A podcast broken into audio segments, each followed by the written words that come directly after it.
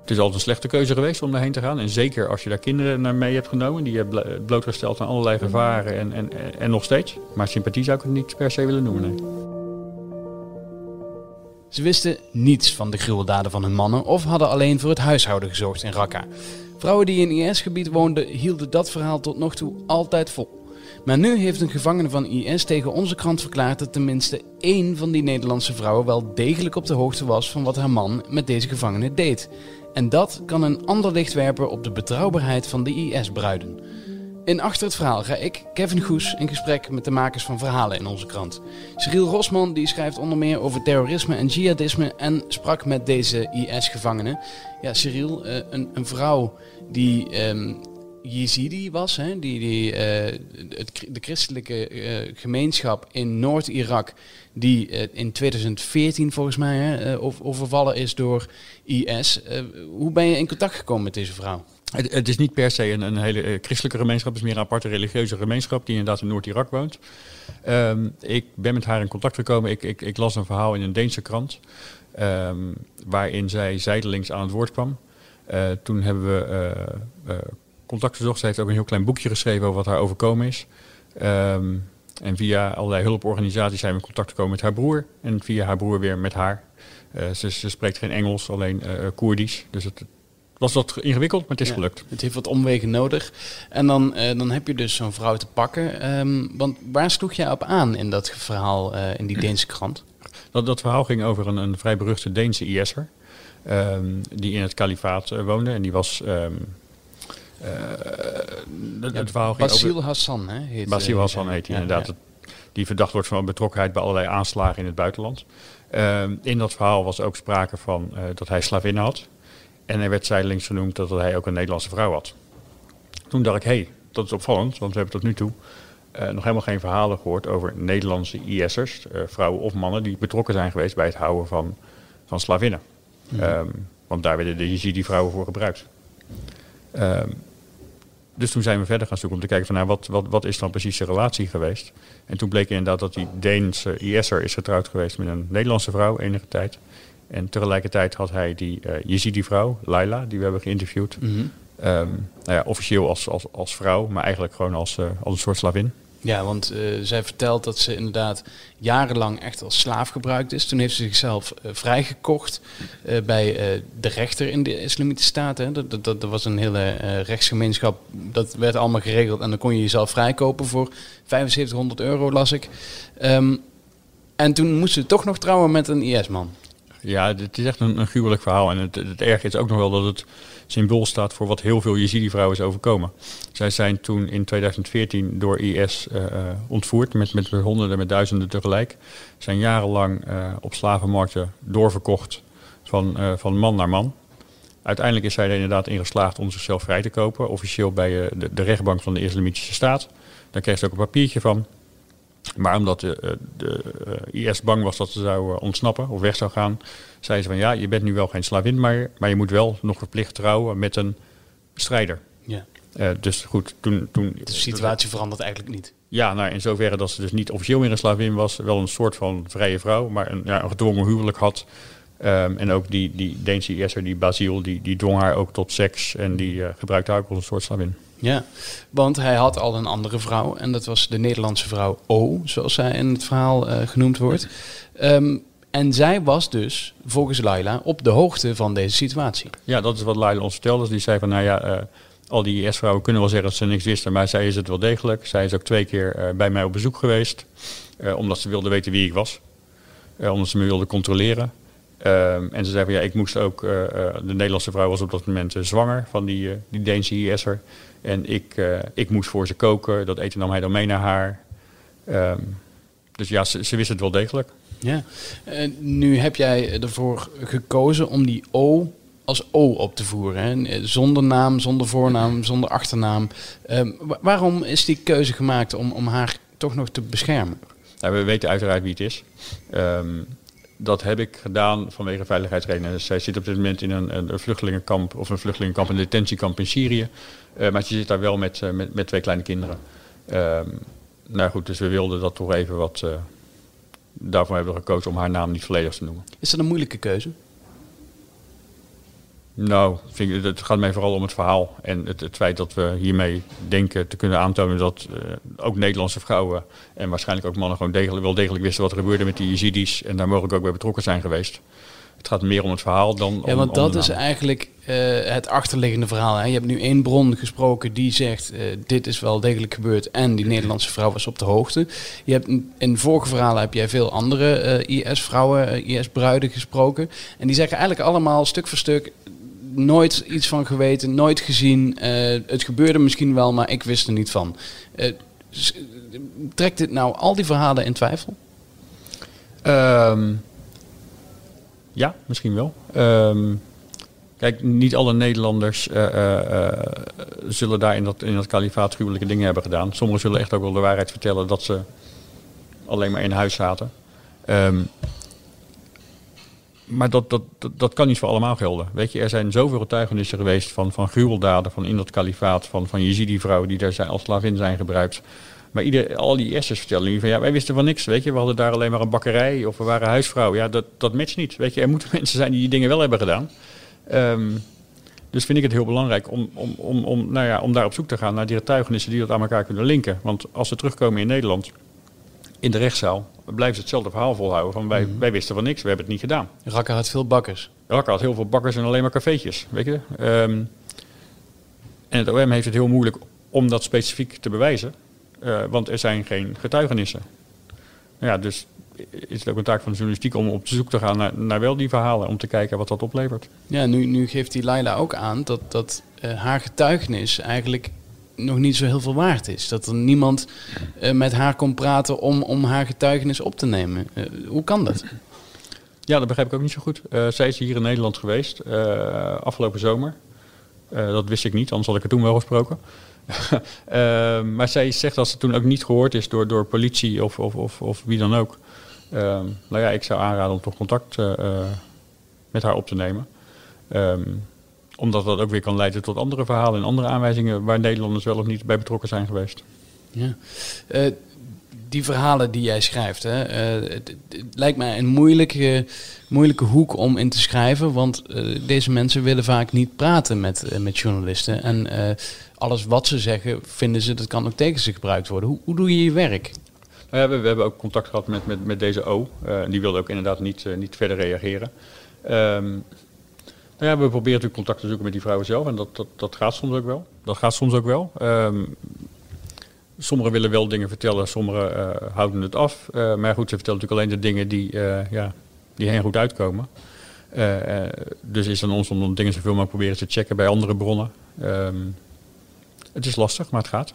Ja, want de verhalen die je maakt eh, over vrouwen en mannen die weer terugkomen. Ja, wat, wat, voor reacties krijg je daarop? Nou ja, je ziet dat de tendens in Nederland is natuurlijk wel dat deze mensen eh, maar beter daar kunnen blijven. Ehm, dat zijn veel reacties die we krijgen. Aan de andere kant zie je wel dat er bijvoorbeeld voor de kinderen die in die kampen zitten, eh, wel een vorm is. Ja, sympathie weet ik niet, maar meer dat we denken van ja, we, moeten wel iets doen voor die kinderen. We kunnen ze daar niet in die kampen laten, la- laten wegrotten. Eh, maar het is een debat met, waar heel veel emoties omheen zitten. Ehm, en ook het is heel erg gecompliceerd. Er spelen zoveel geopolitieke belangen. Ehm, dat je altijd drie keer moet nadenken van, nou ja, dit, deze partij zegt nu dit, maar wat houdt het eigenlijk in? Ja. Want dat terughalen, dat is natuurlijk een debat wat nu veel gevoerd wordt. Hè? Moet je Ja. eh, kinderen van, eh, van Raqqa-strijders, van, van IS-strijders en van moeders eh, terughalen hier naartoe? Eh, vaak moet de moeder dan misschien ook wel meekomen. Ja, en de moeder zegt nu inderdaad altijd... ehm, wij hebben voor het huishouden gezorgd, dus we weten van niets. Alleen nu heb je een verhaal geschreven waaruit blijkt dat in ieder geval één Nederlandse vrouw eh, niet alleen maar voor het huishouden heeft gezorgd. Eh, kan zo'n verhaal als wat jij nu geschreven hebt, kan dat ook weer een heel ander licht werpen op eh, het politieke debat? Ehm, ja, nou, het werpt in ieder geval geen, geen beter blik op die IS-vrouwen. Ehm, maar goed, dan nog, ehm, we spreken vaak over de IS-vrouwen als groep. Maar het zijn allemaal, eh, er zitten er nu 35 ongeveer in die kampen in, in, in Noord-Syrië. Het, het zijn ook 35 individuen. Ze hebben allemaal een ander verhaal. En sommigen zitten nog steeds heel erg in dat jihadistische gedachtegoed. Ehm anderen ehm, hebben dat nooit heel erg aangehangen, lijkt het. En zijn er echt alleen naartoe gegaan uit een soort wanhoop om een man te volgen of een man terug te halen. Mm. Maar al- andere vrouwen of Gouden Bergen die beloofd werden natuurlijk. Ja, klopt. Eh, of wel uit een soort vlucht om, om, om, om uit de situatie uit Nederland. Eh, andere vrouwen zitten er echt nog wel heel erg in. Die wilden bijvoorbeeld niet meedoen aan het, het kort geding wat tegen, eh, een tijdje geleden is gevoerd. Omdat ze vinden dat het niet de rechter over een lot beslist, maar God. Of Allah. In dat geval, Mhm. ja, dat, weet je, dan, dan sta je toch nog iets anders in het verhaal. Ja, want ze worden nu inderdaad over één kam geschoren. Jij maakt van veel vrouwen daar een soort van portret. Je, je zoekt de verhalen achter die mensen. Krijg je dan ook soms wat, wat, wat symp- sympathie voor, voor deze vrouwen? Nou, sympathie niet per se. Wel, je krijgt meer inzicht in waarom ze bepaalde keuzes hebben gemaakt. Ik bedoel, het, het, het, is altijd een slechte keuze geweest om daarheen te gaan. En zeker als je daar kinderen naar mee hebt genomen. Die je hebt blo- blootgesteld aan allerlei gevaren en, en, en nog steeds. Ehm, dus je krijgt er wat meer inzicht in.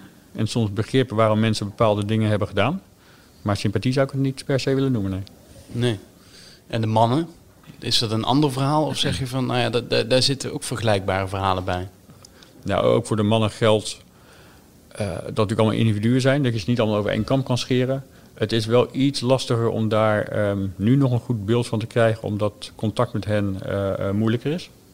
Ehm, en ik denk dat de, de meest fanatieke IS-strijders, die zijn ofwel dood, eh, of die bevinden zich nog steeds ergens in, in Syrië of in het laatste stukje van Syrië waar, waar, waar Assad nog niet de baas is. Ehm, en die strijden daardoor. Ehm, dus het is iets moeilijker om een beeld van de mannen te krijgen dan van de vrouwen. Ja, ja. De- Je, je omschreef het al een klein beetje, maar, maar kun je wat meer vertellen over hoe zo'n situatie in zo'n kamp eruit ziet voor, voor die vrouwen en die kinderen? Eh, het zijn enorme tentenkampen. ehm, waar vaak ook eh, eh, eh, gewone Syrische vluchtelingen zitten. Of in ieder geval, zeg ik verkeerd. Het zijn grote tentenkampen ehm, waar eh, heel veel vluchtelingen wonen. Duizenden, tienduizenden. Ehm, een deel daarvan zijn eh, vrouwen en kinderen uit Irak en Syrië zelf. En dan heb je eh, doorgaans nog aparte afgesloten de- delen. Daar zitten de buitenlandse vrouwen met hun kinderen. Mhm. Dat zijn echte detentiedelen. Ehm nou ja, en ook daar eh, gebeuren allerlei dingen. Weet je, de omstandigheden zijn er, zijn er niet goed. Eh, dat zeggen hulporganisaties ook dat het zo is. Ehm, het is er koud. Eh, er is weinig verwarming. Niet goed voor die kinderen.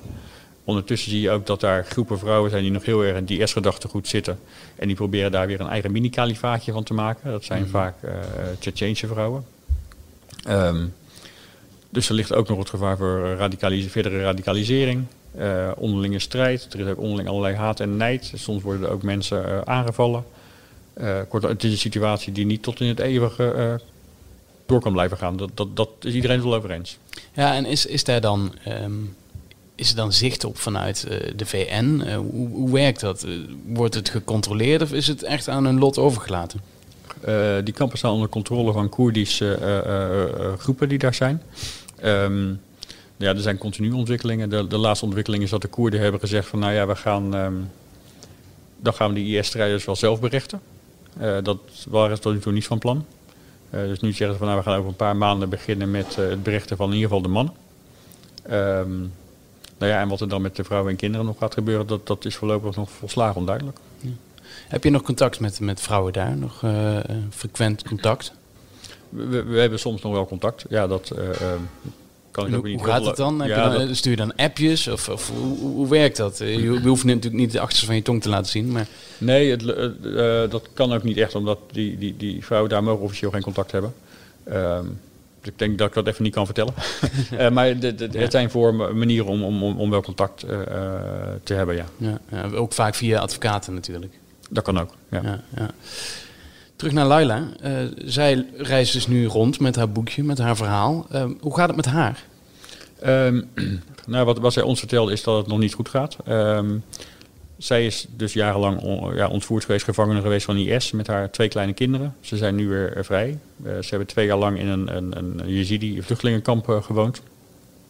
Hebben sinds een paar maanden een klein huurhuisje weer in de buurt van waar ze ooit echt gewoond hebben.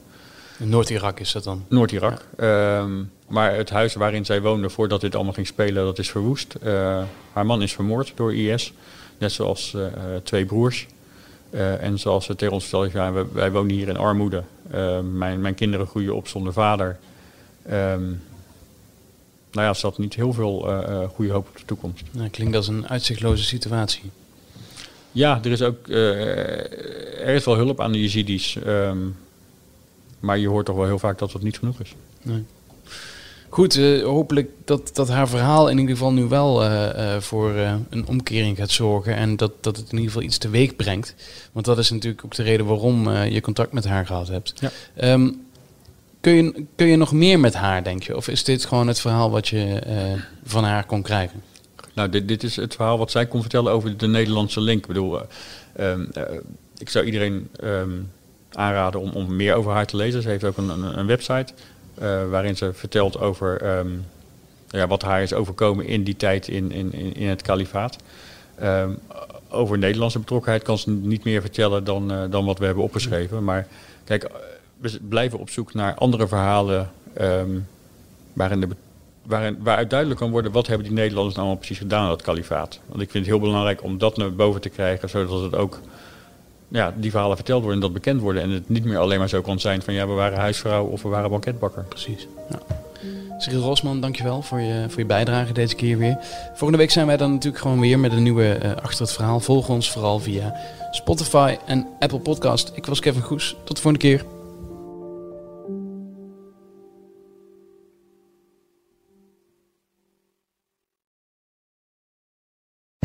Wereldnieuws gaat ons allemaal aan. Maar als het nieuws gaat over je stadje, je buurtje of je straatje, dan voel je, dit raakt.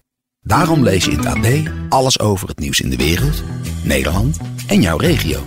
Download nu de AD-app en mis nooit wat voor jou belangrijk is. AD, altijd dichtbij.